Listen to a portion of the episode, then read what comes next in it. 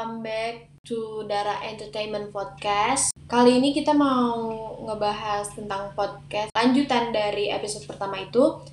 Kalau kalian belum dengar episode yang pertama, kalian wajib banget nih dengerin episode yang pertama dulu. Karena di episode pertama itu kita ngebahas tentang awal kuliah kita gimana, gimana rasanya kuliah, apakah ekspektasinya sesuai atau enggak, atau dan juga culture shock kita nih apa yang kita rasain waktu di awal kuliah.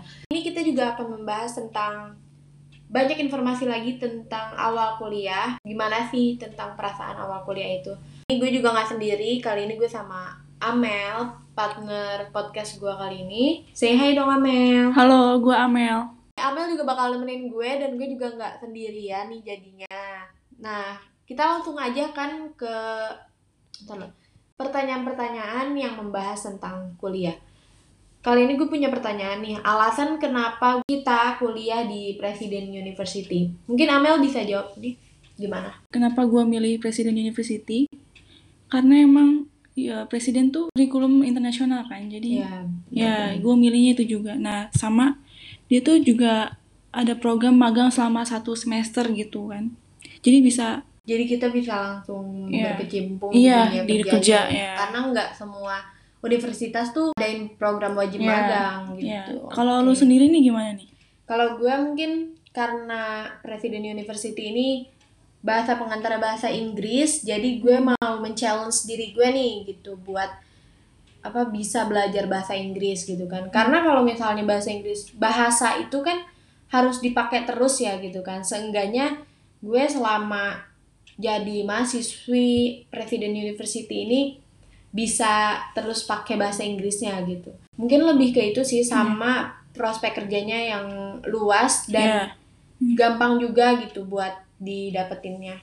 Oke, okay, next question. Kenapa ambil jurusan yang sekarang kamu ambil? By the way, kita ini dari jurusan Business Administration atau Administrasi Bisnis dari Presiden University angkatan 21. Jadi, mungkin ada juga yang kalian yang sama, kalian bisa langsung cicet aja dengan kita juga nggak apa-apa banget. Gue duluan ya, kenapa gue ambil jurusan ini? Karena uh, gue tuh suka banget bisnis dari kecil dan gue pengen tahu gimana sih bisnis itu sebenarnya dan mempelajari teori-teori yang ada di bisnis ataupun mempelajari sistem kerja atau gimana sih bisnis itu. Kalau Amel gimana? Kalau gue kenapa milih jurusan bisnis administration karena uh, bisa dapat membantu untuk mengembangkan keterampilan mengembangkan bisnis gitu. Kayak lu bisa belajar dari uh, pemasaran bisnis gimana, manajemennya, dan lain-lain dan prospek apa prospek kerjanya juga luas gitu. Iya, Oke, okay, next question. Nih Ref, uh, talks on kuliah sambil berorganisasi tuh lu gimana sih pendapat lu? Oke, kebetulan karena semester 1 juga gue udah sempet beberapa ikut beberapa volunteer gitu kan. Dan sekarang juga gue ada di organisasi kampus. Mungkin gue mau sedikit sharing aja kali ya tentang organisasi di kuliah tuh kayak gimana gitu kan. Dan gue juga osis di SMA gue jadi mungkin ada perbedaan lah gimana hmm. kalau misalnya organisasi itu sebenarnya tergantung kaliannya gimana nyikapin organisasinya gitu kan kalau misalnya emang kalian mau ikut organisasi terus kalian ngasih effort yang baik dan bisa ngebagi waktunya dengan baik gitu kan hmm. itu pasti bakal jadi bekal yang bagus juga buat nantinya apalagi di dunia kerja itu gitu kan. Kalau misalnya dibilang emang organisasi itu ditanyain ya di dunia kerja. Sebenarnya itu organisasi itu nggak begitu pengaruh ya di dunia kerja.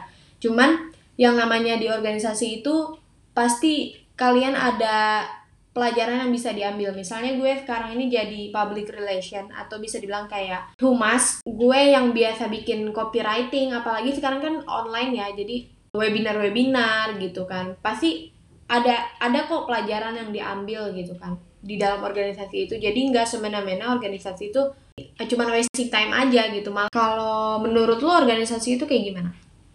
Menurut gue organisasi jelas punya banyak kelebihan dan kekurangan ya. Menurut gue tuh kelebihan dan kekurangan ini juga berbeda-beda sebagai setiap orang kan.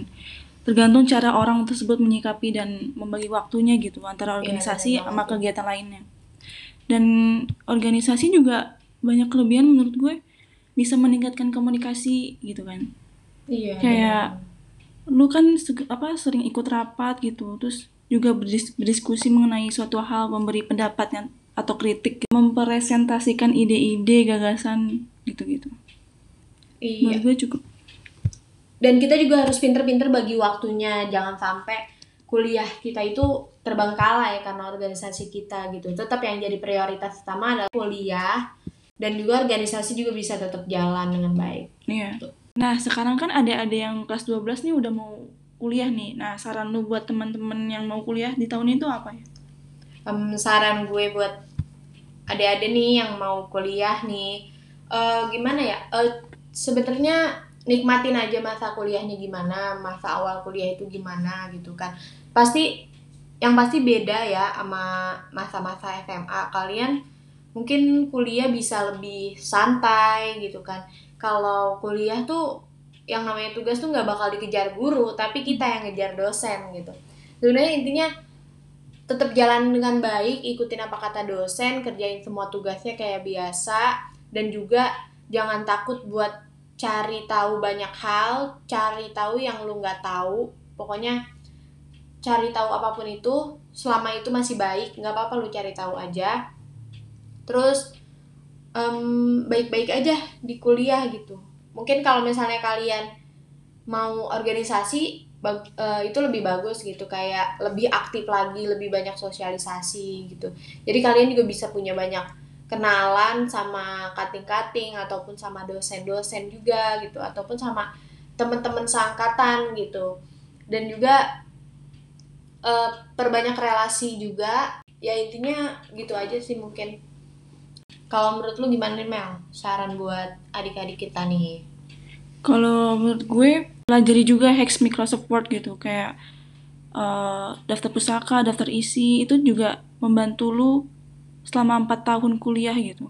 mungkin maksud Amel tuh lebih ke ap- apa pelajari tentang cara pembuatan data ya di perkuliahan itu. Soalnya penting. apalagi kita tuh lagi masa masanya online gitu kan. Mungkin masa-masa online itu nggak bakal dihapus gitu. Mungkin bakal selalu ada terus gitu. Even corona udah lewat gitu kan.